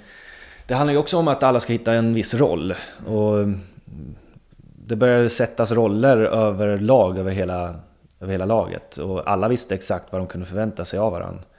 Eh, och när det väl hade börjat så, så har det ju egentligen bara tickat på sen efter. Och så då får man automatiskt en god stämning i laget och folk mår bra och...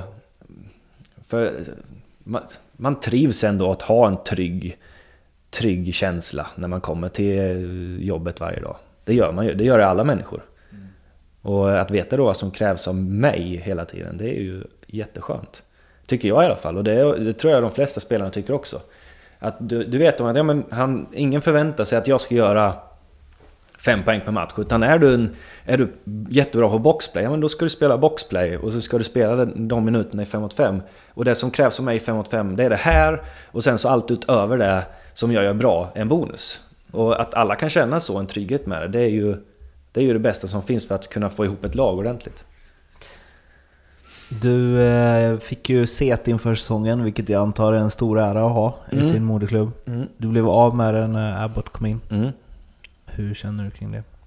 Eh, Jag tyckte det var tråkigt eh, just då, det tyckte jag ju. Ehm, Och det var ingenting som jag höll med om överhuvudtaget och det var väl många andra som inte höll med heller men han ville väl släppa lite press på mig, slippa prata med media i och med att det går tungt och egentligen sprida ut det här med, men för medias skull egentligen eh, utöver fler personer. Så då blev det att vi eh, satte då A på Eh, eller det blev A på tre andra spelare så de får skifta runt liksom. Så, eh, han gjorde väl allt för att bara släppa eh, pressen på mig och att vara hemvändare och spela väldigt bra och man vill, som du sa innan, det här med att man vill föreningen så pass mycket så man kanske spänner sig inte för mycket och sådär. Och med facit i hand så är det mycket möjligt att han har haft rätt i det också.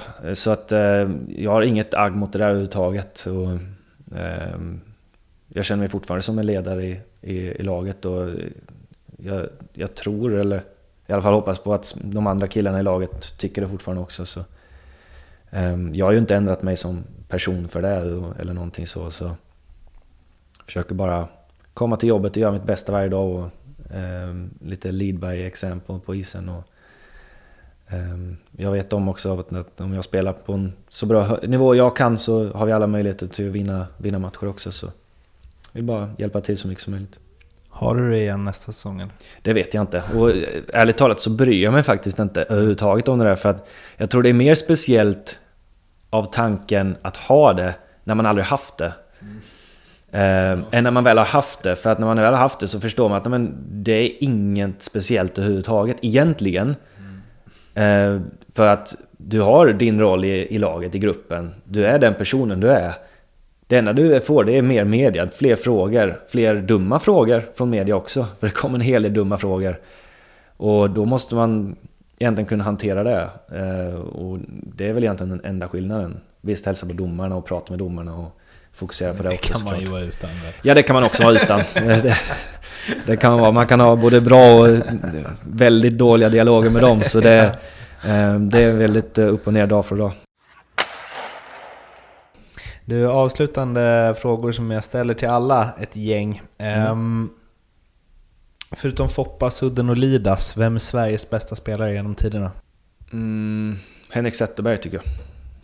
Förutom eh, Wayne Gretzky och Mario Lemieux, vem är världens bästa spelare genom tiderna? Alltså jag tycker någonstans att när Sidney Crosby kom in i NHL så, så har det blivit ett, eh, ett lyft för hela den ligan på något sätt. Jag tycker han, han har kommit in med allt det som jag gillar i en hockeyspelare. Så jag får väl egentligen säga att eh, Sidney Crosby är uppe på, på den listan för mig. Det var en hyllning som heter duga, skulle jag säga. Ja men är det något, är det något fel med den hyllningen? Nej, För han är bra, ja, och han har gjort han det bra.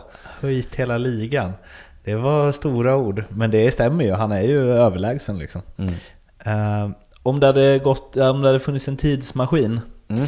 och du hade kunnat åka tillbaks till 1990 så bra som du är nu liksom. Mm. Tror du att du hade spelat i första femman i alla NHL-lag då? Ytterst tveksamt. Men jag hade nog kunnat spela NHL, det hade jag säkerligen kunnat göra. Ehm, dock är det ju, får man ha samma utrustning man har nu? Eller får man ha... Det frågade David Ullström också. För det gör, rätt, det gör ju rätt mycket skillnad. För den utrustning de hade då, det är ändå tyngre skridskor, det mm. kräver mer mm. av dig på det sättet. Ja, du får ha samma utrustning som du har nu. Ja, men då kan man åka ifrån folk rätt så enkelt. Så att mm. man... Um, och får jag samma klubbor också så kommer jag skjuta bättre än alla andra också säkert. Så att, man hade nog kunnat spela NHL i alla fall. Sen så första kedja vet, vet jag inte. Mm. För att det är väldigt många skickliga spelare som har funnits. Om du får tänka helt fritt, vilken regeländring, hur galen den än må vara, hade du velat testa en match inom hockeyn? Alltså, det är ju rätt många grejer som, som man tänker på sådär men... Eh, en sak som jag har tänkt på det är det här med om det blir en utvisning. Domaren tar upp armen.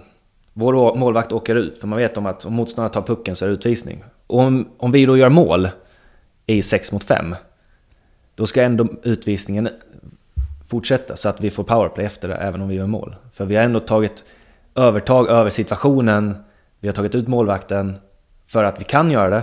Vi gör ett mål, och bara för att vi gör mål ska inte powerplayet bort, utan det ska fortfarande...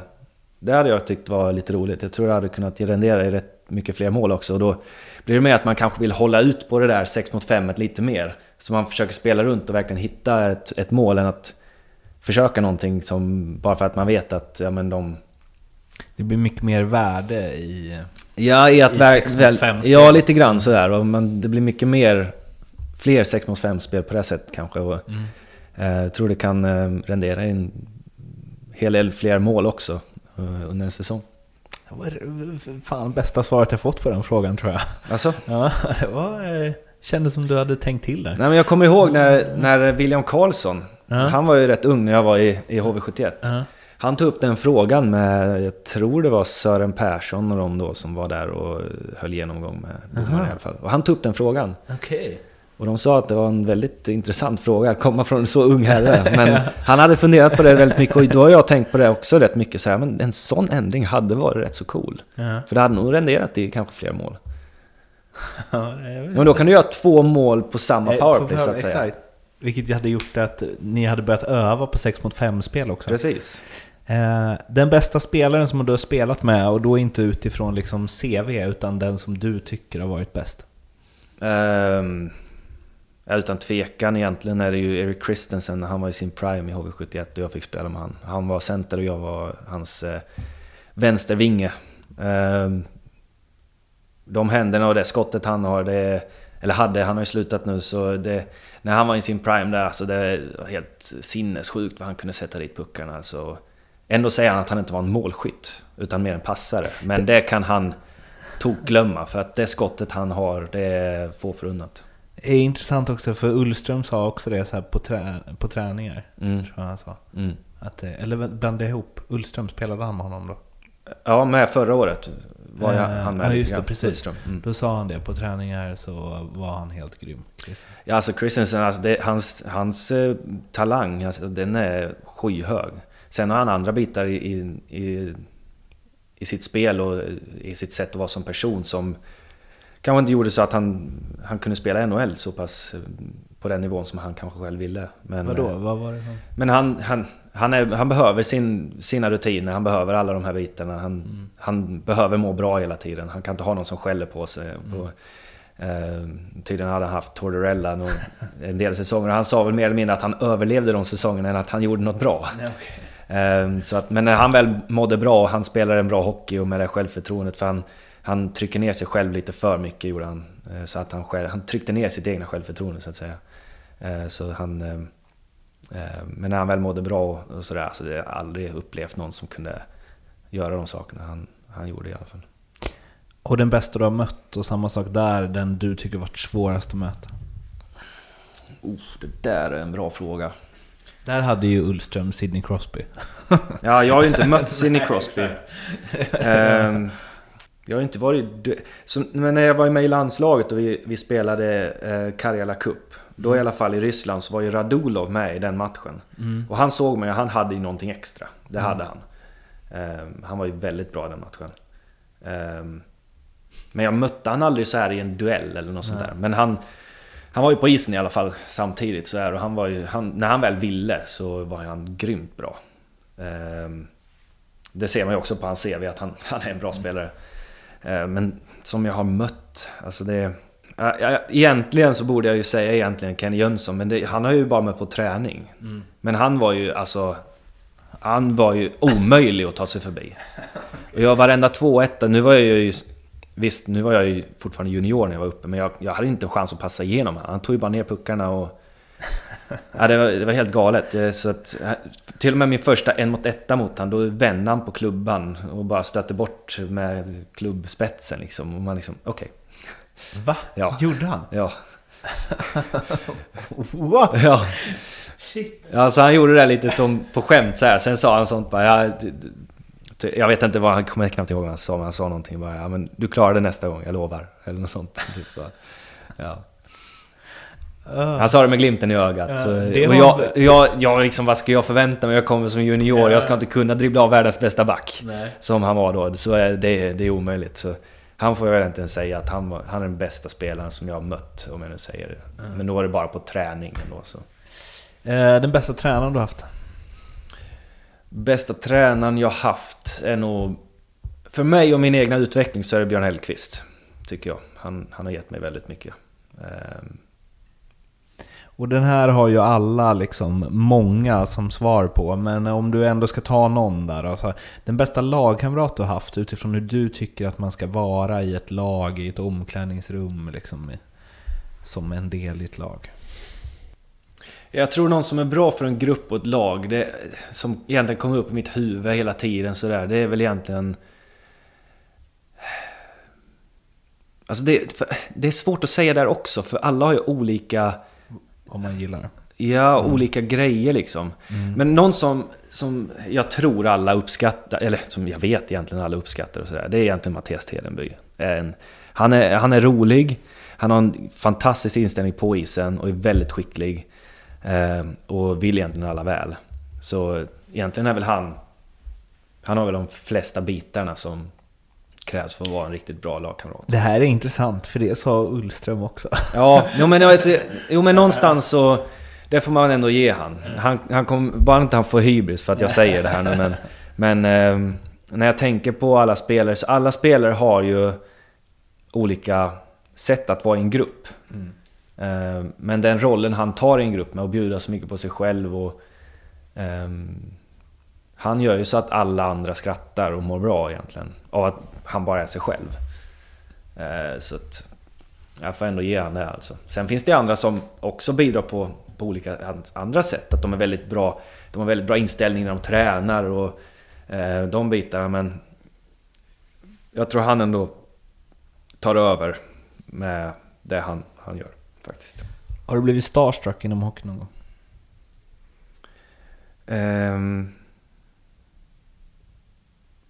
jag blev lite starstruck när jag skulle vara med och möta Möta Modo ehm, Ett år Känner vart det här är på väg. Eh, Han gjorde sin sista match då, vet du vem det är då? Sin sista match? Jag tror det var hans sista match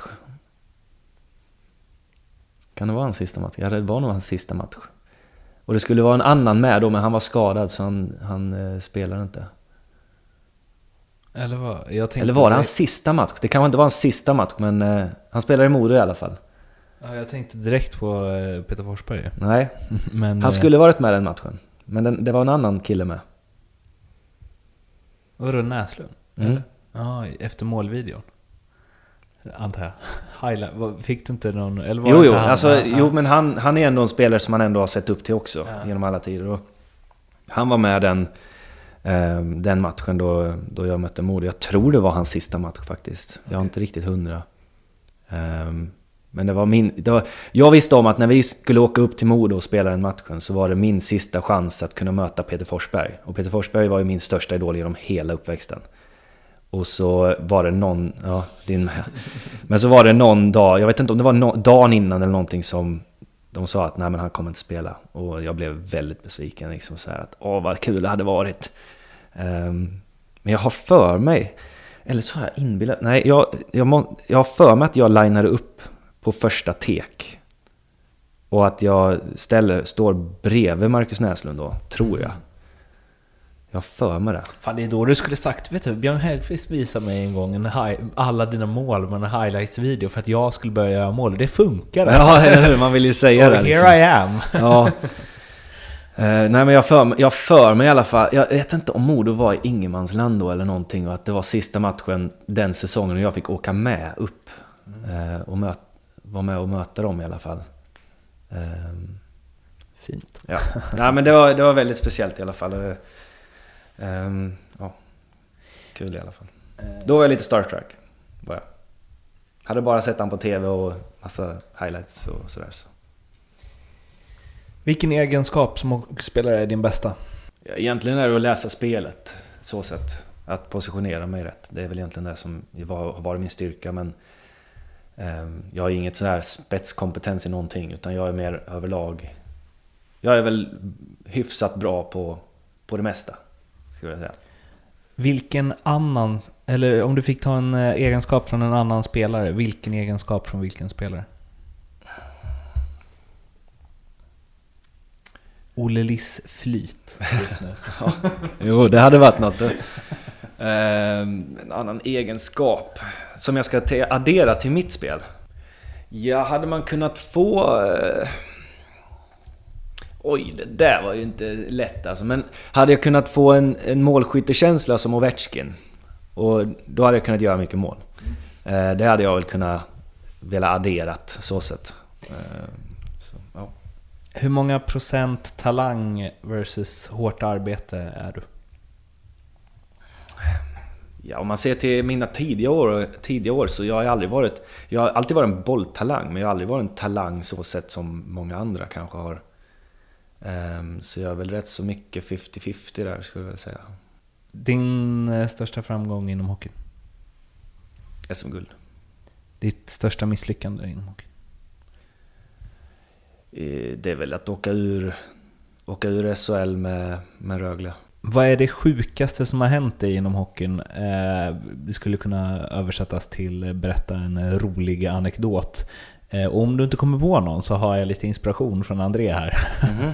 han sa eh, han klev av en brottningsträning med lock för örat en gång. En klassiker i Rögle-kretsar.